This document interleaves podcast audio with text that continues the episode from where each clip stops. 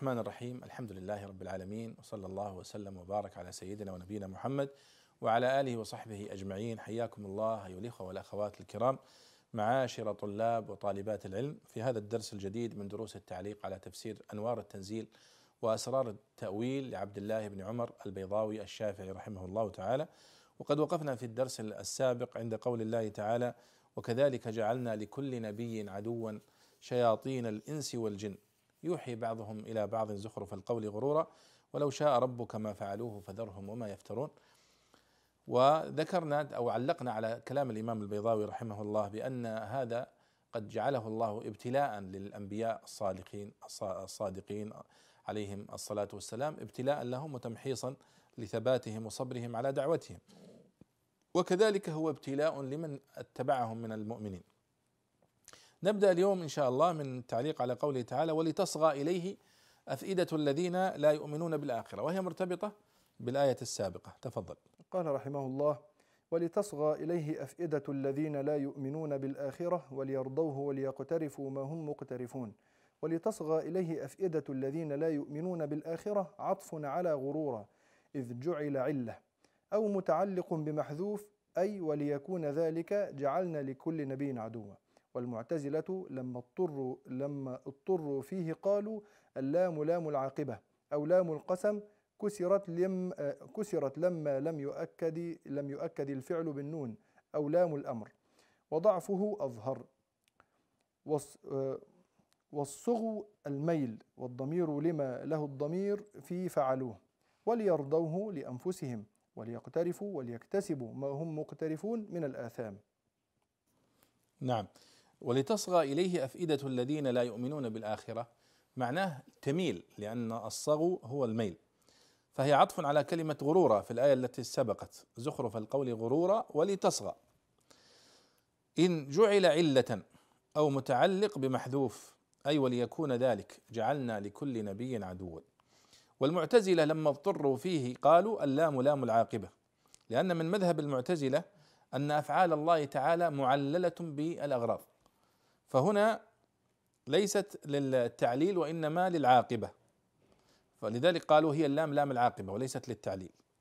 و أو لام القسم كسرت لما لم يؤكد الفعل بالنون أو لام الأمر. فإذا لاحظ هنا أنهم جعلوها لام التعليل أو لام العاقبة أو لام القسم أو لام الأمر. وضعفه ظاهر. والصغو هو الميل. الصغو كما يقول البيضاوي هو الميل. تصغى يعني بمعنى تميل والضمير لما له الضمير في فعلوه ولتصغى إليه أفئدة الذين لا يؤمنون بالآخرة. يعني لكي تميل إلى الباطل الذي تزينه يزينه هؤلاء شياطين الإنس والجن وليرضوه يعني يتخذوه راضين به.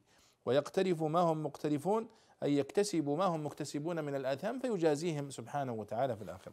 فكأنه يقول وكذلك جعلنا لكل نبي عدوا شياطين الإنس والجن يوحي بعضهم إلى بعض زخرف القول غرورا. سوف يصغو لهؤلاء ويميل إليهم أناس كثير من الذين لا يؤمنون بالآخرة وسوف يرضونه وسوف يكتسبون ما يكتسبون من الآثام فلا عليك من كل هؤلاء يا محمد. وهذا تأكيد أيها الإخوة والأخوات إلى أن الداعيه لا يكن في صدره حرج لعدم استجابة أحد. الداعية لا يكن في صدره حرج لعدم استجابة أحد. لأنه غير مكلف بذلك وإنما هو مكلف بتقديم الحجة وبتقد والبلاغ المبين والتوضيح وتقريب الخير لهم وبيان الأدلة لهم. أما الاستجابة فليست من شأن الداعية وليست من شأن النبي قبل ذلك. نعم. قال رحمه الله أفغير الله أبتغي حكما وهو الذي أنزل إليكم الكتاب مفصلا والذين آتيناهم الكتاب يعلمون أنه منزل من ربك بالحق فلا تكونن من الممترين. أفغير الله أبتغي حكما على إرادة القول؟ أي قل لهم يا محمد صلى الله عليه وسلم أفغير الله أطلب من يحكم بيني وبينكم ويفصل المحق منا من المبطل؟ وغير مفعول وغير مفعول أبتغي وحكما حال منه ويحتمل عكسه. وحكما أبلغ من حاكم ولذلك لا يوصف به غير العادل وهو الذي أنزل إليكم الكتاب القرآن المعجز مفصلا مبينا فيه الحق والباطل بحيث ينفي التخليط والالتباس وفيه تنبيه على أن القرآن بإعجازه وتقريره مغن عن سائر الآيات. والذين آتيناهم الكتاب يعلمون أنه منزل من ربك بالحق. منزل نعم. والذين آتيناهم الكتاب يعلمون أنه منزل من ربك بالحق. تأييد لدلالة الإعجاز على أن القرآن حق منزل من عند الله حق منزل من عند الله تعالى يعلم أهل الكتاب به لتصديقه ما عندهم مع أنه عليه السلام لم يمارس كتبهم ولم يخالط علماءهم وإنما وصف جميعهم بالعلم لأن أكثرهم يعلمون ومن لم يعلم فهو متمكن منه بأدنى تأمل. وقيل المراد مؤمن أهل الكتاب وقرأ ابن عامر وحفص عن عاصم منزل بالتشديد. يا سلام. نعم. يقول الله سبحانه وتعالى أفغير الله أبتغي حكما؟ هذا على لسان النبي صلى الله عليه وسلم. وهو الذي أنزل إليكم الكتاب مفصلا. وهو الذي أنزل إليكم الكتاب مفصلا. والذين آتيناهم الكتاب يعلمون أنه منزل من ربك بالحق. طيب أفغير الله يبتغي حكما؟ هذا استفهام استنكاري على إرادة القول. أي قل لهم يا محمد أفغير الله أطلب من يحكم بيني وبينكم؟ ويفصل المحق منا من المبطل. وهذا استنكار أنه لا ينبغي أن يلجأ في مثل هذا إلا إلى الله. الله سبحانه وتعالى هو خير الحاكمين. وغير قال مفعول أبتغي يعني كأنه يقول هنا أفغير الله أبتغي حكما غير هنا مفعول به مقدم لأبتغي. طيب. وحكم حال منه ويحتمل عكسه وحكما أبلغ من حاكم ولذلك لا يوصف به غير العادل الحكم. ولذلك الله العرب كانت تسمي الحكم. الحكم آه، وهو العادل وهو الذي أنزل إليكم الكتاب القرآن الكريم مفصلا. والقرآن الكريم سمي مفصلا لأن الله فصل فيه الحجج وفصل فيه البراهين وفصل فيه الأخبار. سبحانه وتعالى. كتاب أحكمت آياته ثم فصلت. آه، بحيث ينفي التخليط والالتباس.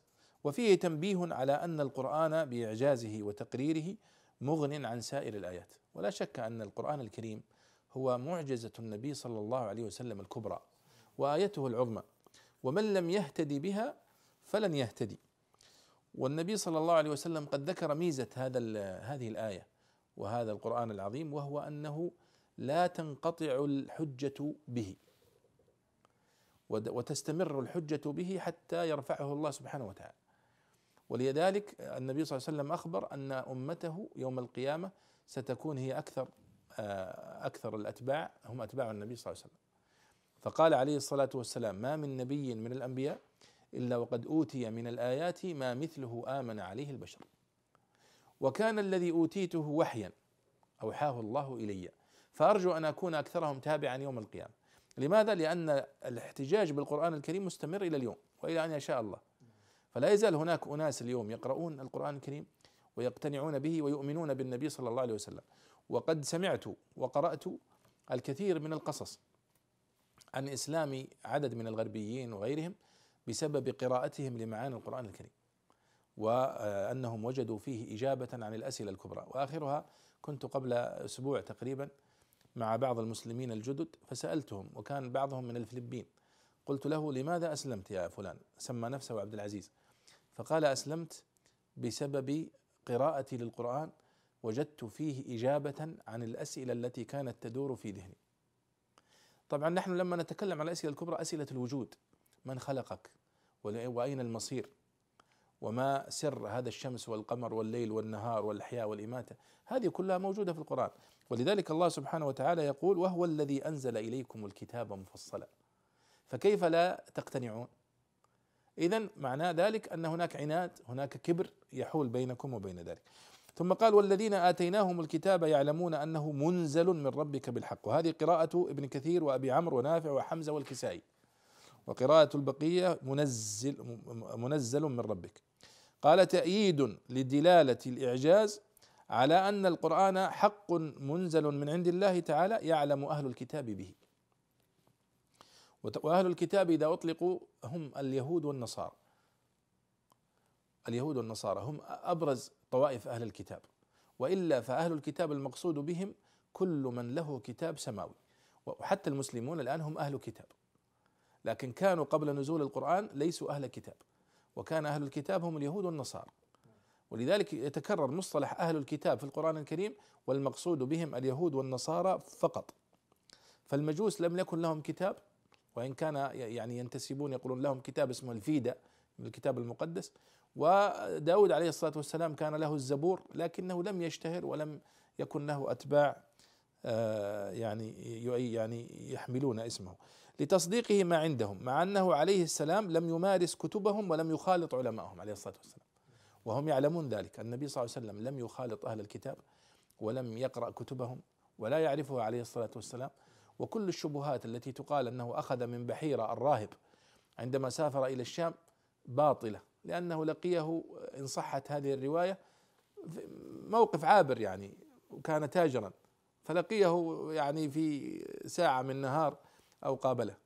فلا يمكن أنه أخذ عنه ولا تعلم عنه. وورقة بن نوفل ابن عم خديجة رضي الله عنها كان له علم بكتاب أهل الكتاب وكان يعرف العبرانية لكنه لقيه النبي صلى الله عليه وسلم أو الرواية التي ثبتت أن خديجة ذهبت بالنبي صلى الله عليه وسلم إلى ورقة بن نوفل عندما نزل عليه الوحي تستشيره ما هذا الذي جاء إلى محمد؟ فقال هذا الناموس الذي جاء إلى موسى. يعني هذا الملك الناموس بمعنى الملك وهو جبريل عليه الصلاة والسلام وهو ملك الوحي. يعني ورقة يعرف أن جبريل عليه الصلاة والسلام هو الملك الموكل بالوحي. وإن يكن هذا صحيحا فسوف يخرجك قومك إلى آخر القصة. ثم مات ورقة. لم يأخذ عنه النبي صلى الله عليه وسلم علما ولم يكن هناك فرصة لذلك. ولذلك أهل الكتاب يعلمون أن النبي صلى الله عليه وسلم صادق وأنه لم يمارس كتبهم ولم يخالط علماءهم وإنما وصف جميعهم بالعلم لأن أكثرهم يعلمون ومن لم يعلم فهو متمكن منه بأدنى تأمل يعني قادر على أن يعلم. وقيل المراد مؤمنو أهل الكتاب وقرأ ابن عامر وحفص عن عاصم منزل يعلمون أنه منزل من ربك بالتشديد. نعم.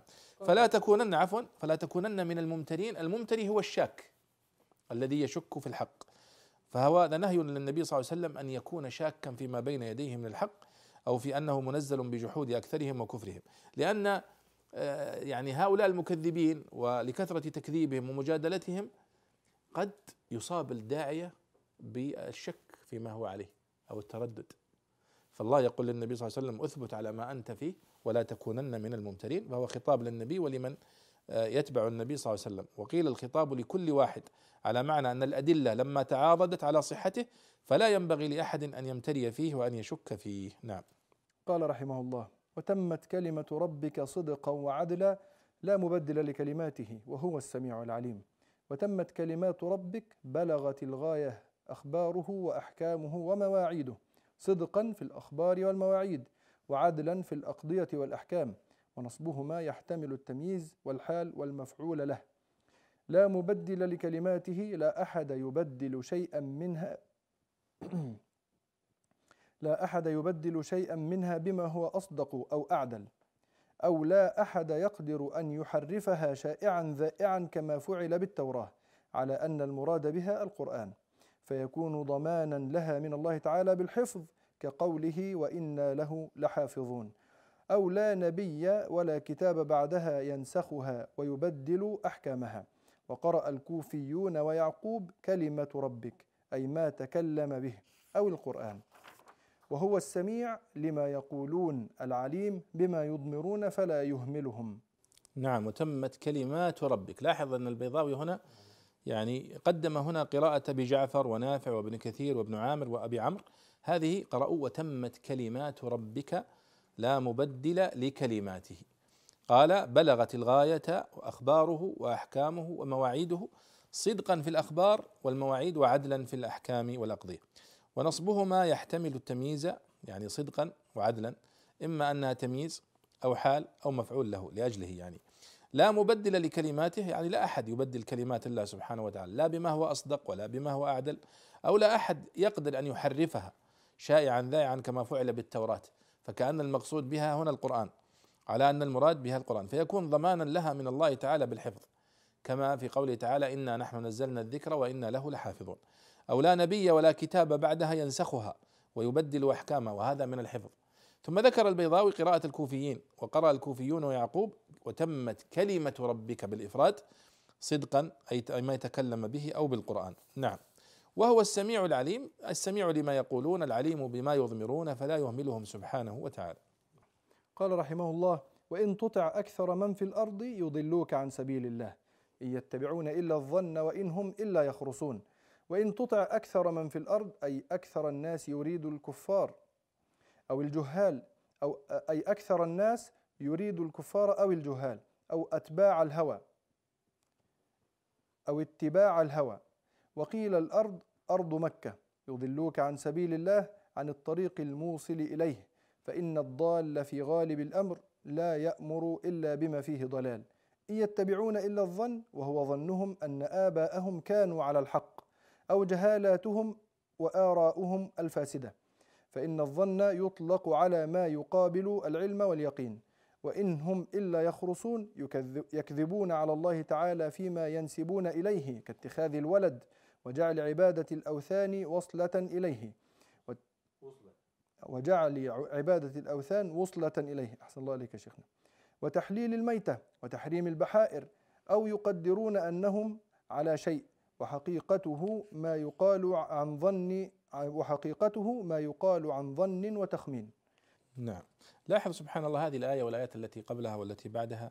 من أعظم الآيات في تثبيت المؤمنين وتثبيت الدعاة وتثبيت النبي صلى الله عليه وسلم قبل ذلك على الحق الذي هو عليه وألا يستفزه ما يقوم به هؤلاء المكذبون والمعاندون من التهييج أو أو الدعاية المضللة ضده. فقوله وإن تطع أكثر من في الأرض أكثر الناس. يريد الكفار كما قال البيضاوي أو الجهال أو أتباع الهوى الذين يتبعون الهوى.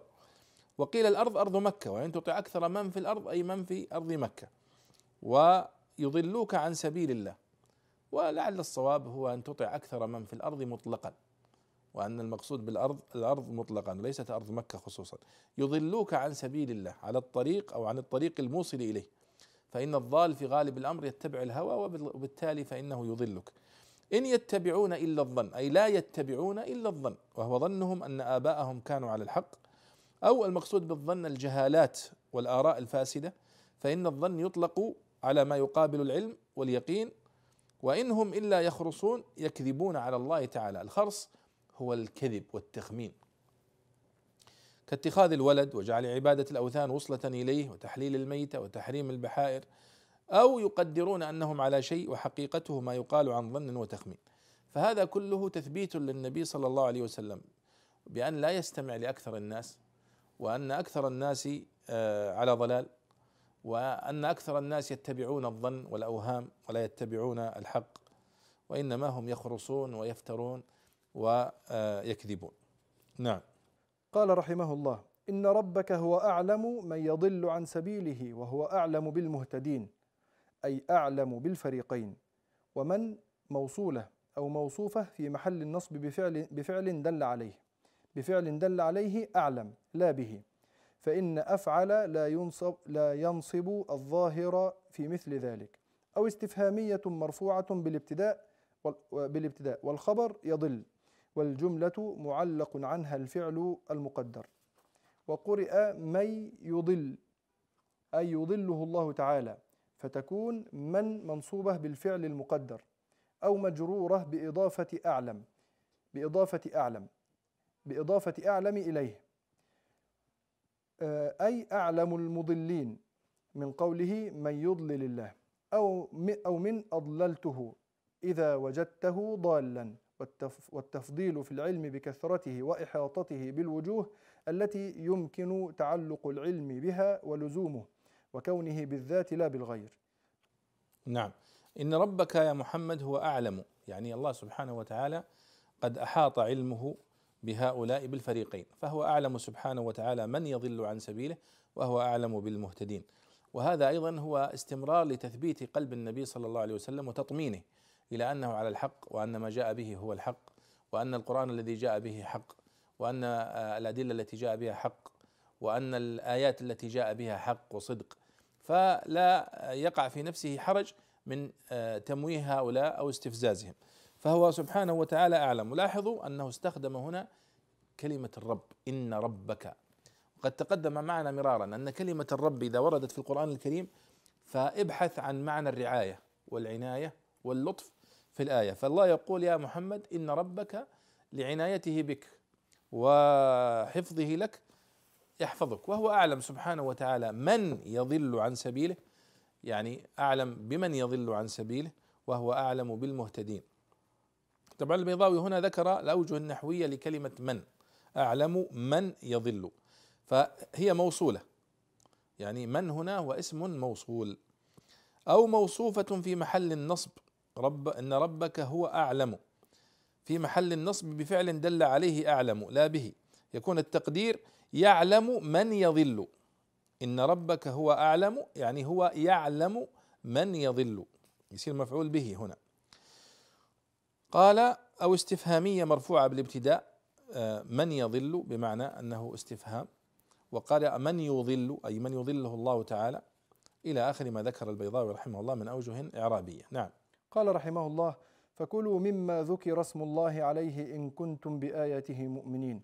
فكلوا مما ذكر اسم الله عليه مسبب عن إنكار اتباع المضلين الذين يحرمون الحلال ويحللون الحرام.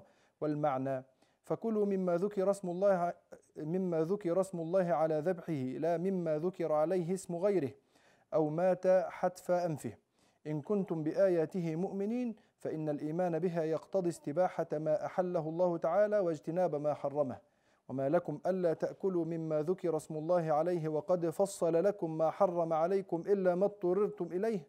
وإن كثيرا لا يضلون بأهوائهم بغير علم إن ربك هو أعلم بالمعتدين. وما لكم ألا تأكلوا مما ذكر اسم الله عليه أي وأي غرض لكم في أن في أن تتحرجوا عن أكله وما يمنعكم عنه. وقد فصل لكم ما حرم عليكم مما لم يحرم به مما لم يحرم بقوله حرمت عليكم الميتة. وقرأ ابن كثير وأبو عمرو وابن عامر فصل على البناء للمفعول ونافع ويعقوب وحفص حرم على البناء للفاعل. إلا ما اضطررتم إليه مما حرم عليكم فإنه أيضا حلال حال الضرورة. وإن كثيرا ليضلون بتحليل الحرام وتحريم الحلال. قرأه الكوفيون بضم الياء والباقون بالفتح. بأهوائهم بغير علم بتشهيهم من غير تعلق بدليل يفيد العلم. إن ربك هو أعلم بالمعتدين المجاوزين الحق إلى الباطل والحلال إلى الحرام.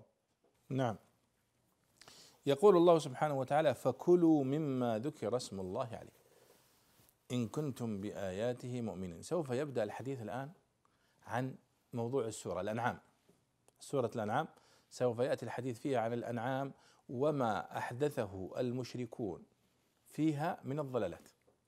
وكيف أنهم يتحدثون كيفية الذبح وكيفية عدم ذكر الله عليها والإشراك به. وهذه مظاهر كثيرة وسبحان الله العظيم هذه المظاهر موجودة في كل الأمم المشركة.